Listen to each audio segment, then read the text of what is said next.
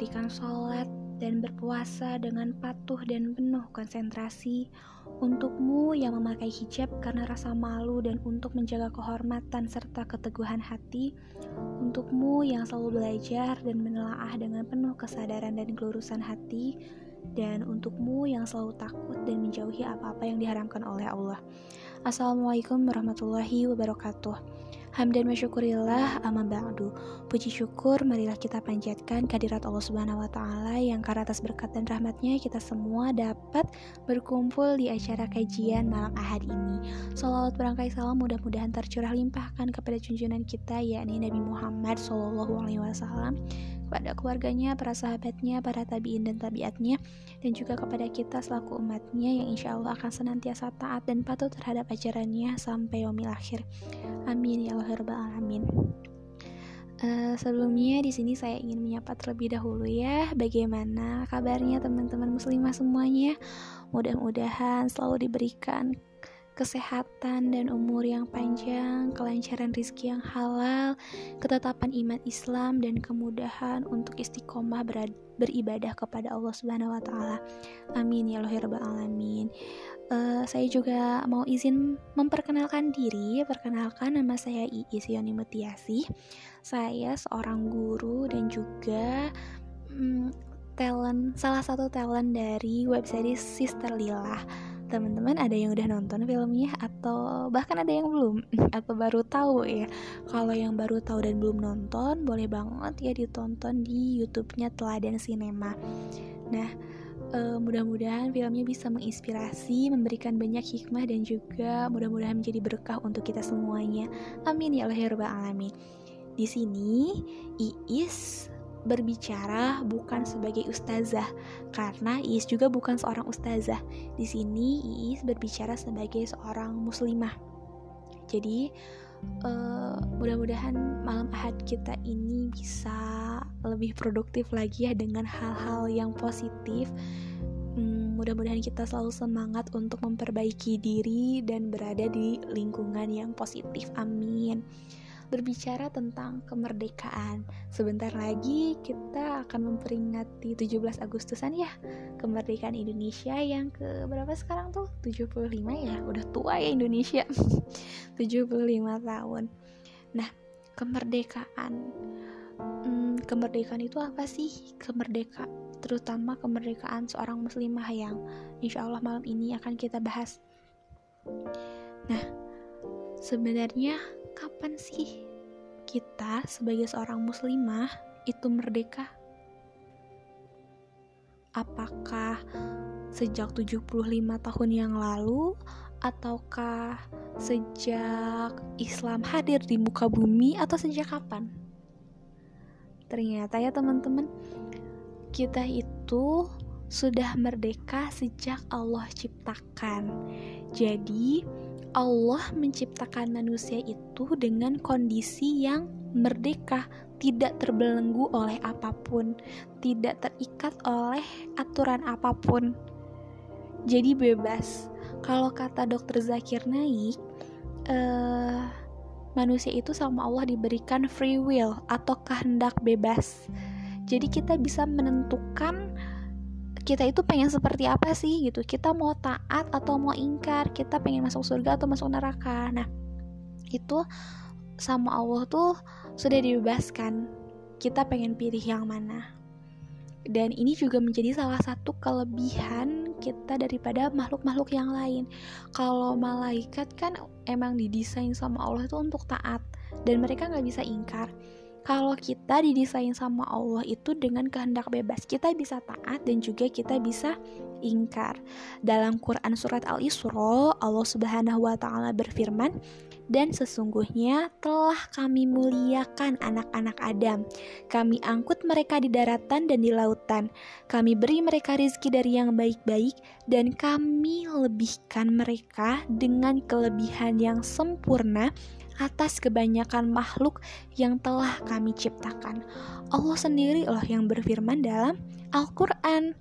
Allah meng, Allah berfirman bahwa Allah telah melebihkan kita dengan kelebihan yang sempurna, masya Allah. Seharusnya kita sebagai makhluk Allah bangga ya, diciptakan dengan sempurna. Tinggal kita memilih kita memilih untuk taat kepada Allah atau taat kepada setan. Nah, itu adalah pilihan. Nah, dengan kata lain ya, kemerdekaan itu merupakan kunci kemuliaan manusia. Manusia tidak akan lebih utama dari makhluk-makhluk lain dan menjadi mulia sebelum ia terbebas dari penjajahan. Lalu, pertanyaannya, kemerdekaan seperti apa sih yang akan menjadikan seorang muslimah itu mulia? Dalam sebuah uh, riwayat disebutkan ketika Rib'i bin Amir radhiyallahu anhuma salah seorang utusan pasukan Islam dalam perang Qadisiyah ditanya tentang perihal kedatangannya oleh Rustum panglima pasukan Persia ia menjawab, Allah mengutus para rasul untuk memerdekakan manusia dari penghambaan manusia kepada manusia menuju penghambaan manusia kepada Robnya, kepada Allah dari sempitnya kehidupan dunia kepada kelapangannya dan ketidakadilan agama-agama yang ada kepada keadilan Islam. Jadi, kemerdekaan yang bisa memberikan kita kemuliaan, yang bisa menjadikan kita mulia ialah memer e, merdeka dari penghambaan kepa dari manusia ke manusia menuju penghambaan manusia ke Allah. Maksudnya apa sih gimana? Mungkin sering kali kita lihat ya fenomena zaman sekarang di mana kayak kita itu tunduk banget kepada manusia, kita lebih takut kepada bos, kita lebih takut dinilai buruk oleh teman-teman, kita akan takut dinilai tidak baik oleh si dia gitu ya. Daripada kita takut dinilai buruk oleh Allah. Padahal muslimah yang merdeka itu tidak takut akan penghambaan kepada manusia lainnya. Maksudnya tidak peduli gitu manusia yang lain akan berkata apa yang penting aku di hadapan Allah itu baik. Nah, seperti itu. Itulah e, merdeka yang bisa menjadikan kita itu mulia. Jadi mm, kita tuh benar-benar menjadi hambanya Allah. Nah, itu adalah muslimah yang merdeka. Nah, Terus juga tentang uh, hijab. Apakah hijab itu adalah penghalang? Apakah hijab itu adalah penjara bagi muslimah? Tidak, teman-teman. Justru hijab itu adalah pelindung. Allah tuh dari dulu, dari zaman uh, Allah menciptakan manusia pertamanya, zaman Nabi Adam, itu tuh Allah tuh udah memberikan kebebasan kepada kita untuk memilih ingkar ataupun taat. Kita juga tinggal memilih kita mau apa, ingkar atau taat.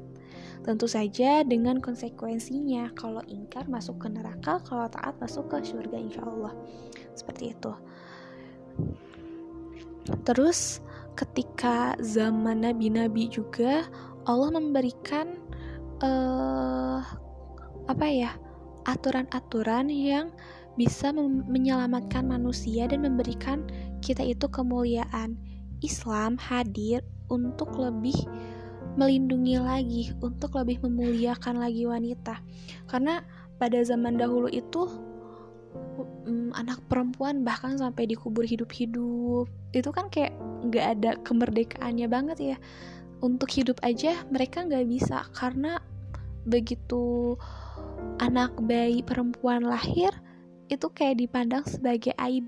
Nah, Islam menghapuskan itu semua dan memerdekakan e, memberikan hak asasi kepada kita seorang perempuan agar bisa hidup. Ya kan? Kemudian dulu itu wanita itu hanya dipandang untuk bisa menjadi penghibur saja, untuk menjadi pemuas saja gitu, pemuas kaum laki-laki. Kita tidak uh, diperkenankan untuk belajar, kita tidak diperkenankan untuk melawan, untuk berpendapat itu zaman dulu tuh enggak. Kita itu hanya sebagai pemuas saja gitu, Mbak. Barang pemuas saja. Dan itu kan kayak seolah kemerdekaan muslimah itu mana gitu. Nah, untuk melindungi para perempuan dari hal-hal yang tidak baik, maka turunlah ayat hijab. Hijab bukan sebagai penjara, justru hijab adalah pelindung. Gitu. Pelindung agar kita itu aman, agar kita tidak dijajah dan tidak diperbudak oleh kaum yang sewenang-wenang.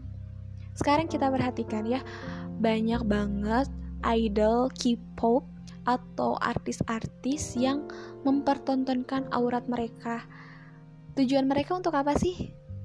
Tujuan mereka itu untuk menghibur.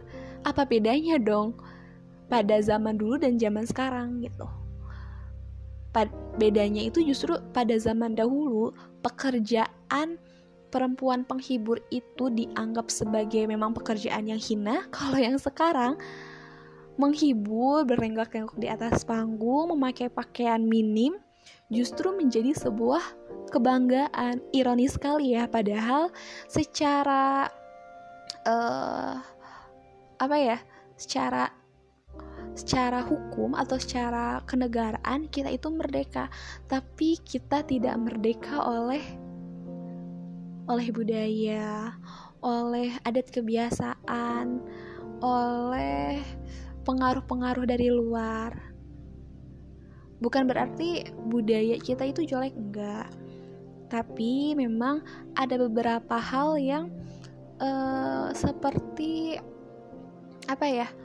Mengikat kita dengan hal-hal yang sebenarnya bukan menjadi sebuah masalah besar gitu. Contohnya, mungkin teman-teman merasakan kalau misalkan udah usia 25 tahun ke atas atau usia 30 tahun ke atas itu perempuan yang belum nikah itu dianggap sebagai aib gitu ya. Padahal apakah Islam menganggap hal itu sebagai aib? Tentu tidak kan. Apakah belum memiliki rumah itu sebagai aib tidak kan tapi uh, lingkungan sekitar kita budaya kita atau adat kebiasaan kita sehari-hari yang suka ngomongin orang, ngegibahin orang, itu justru yang membuat diri kita itu tidak merdeka. Itu. Dan akhirnya kita malah mengejar dunia terus-terusan um, untuk mendapatkan pengakuan dari manusia lainnya. Nah, sedangkan pengakuan yang paling utama itu adalah pengakuan dari dari Allah gitu, teman-teman. Nah, jadi hmm, manusia yang merdeka itu ialah manusia yang bisa bebas untuk taat kepada Allah dan tidak terpengaruh oleh bisikan setan, tidak terjajah oleh setan, bisikan-bisikan setan, tidak terjajah oleh hasutan-hasutan yang dilontarkan oleh orang-orang di sekitar, tidak terjajah juga oleh pandangan-pandangan miris orang-orang kepada kita, tidak terjajah oleh kehedonisan duniawi yang semakin menjadi-jadi tidak tergoda atau tidak terjajah oleh hmm, mungkin fashion, barang-barang elektronik atau kemilau duniawi lah. Nah, kita itu bebas, kita tidak terjajah oleh itu gitu. Meskipun kalau misalkan kita menginginkan hal itu, itu juga tidak jadi masalah gitu. Jadi, teman-teman muslimah, mungkin kemerdekaan muslimah uh, di sini itu adalah kemerdekaan atau kebebasan kita untuk bisa memilih mana yang akan kita hmm, pilih gitu. Apakah kita akan memilih ketaatan atau kita akan memilih keingkaran? Apakah kita akan memilih kemuliaan atau kita akan memilih kenistaan. Nah, jadi teman-teman mau pilih yang mana? Dan sebagai muslimah, tentu tahu jawabannya. Gitu. Jawaban yang paling baik dari pilihan tersebut. Jadilah muslimah yang merdeka, jadilah muslimah yang cerdas, jadilah muslimah yang tidak terpengaruh, tidak terjajah oleh kemilaunya dunia, oleh godaan-godaan setan, dan hasutan-hasutan yang tidak perlu didengarkan. Mungkin cukup sekian ya yang bisa saya sampaikan. Mohon maaf kalau misalkan penyampaiannya kurang begitu difahami atau apaan sih ini gitu ya. saya sendiri di sini lagi kurang enak badan, tapi ya mudah-mudahan di forum nanti tanya jawab bisa lebih ini lagi hmm, apa ya lebih bisa membantu lagi terima kasih sekali lagi atas perhatiannya Wabillahi taufiq wa hidayah. Wassalamualaikum warahmatullahi wabarakatuh. Oh iya dan teman-teman yang ingin uh, mendengarkan kajian-kajian saya yang sebelumnya, mungkin bisa dilihat ya di podcast saya yang saya cantumkan uh, di sini linknya. Terima kasih.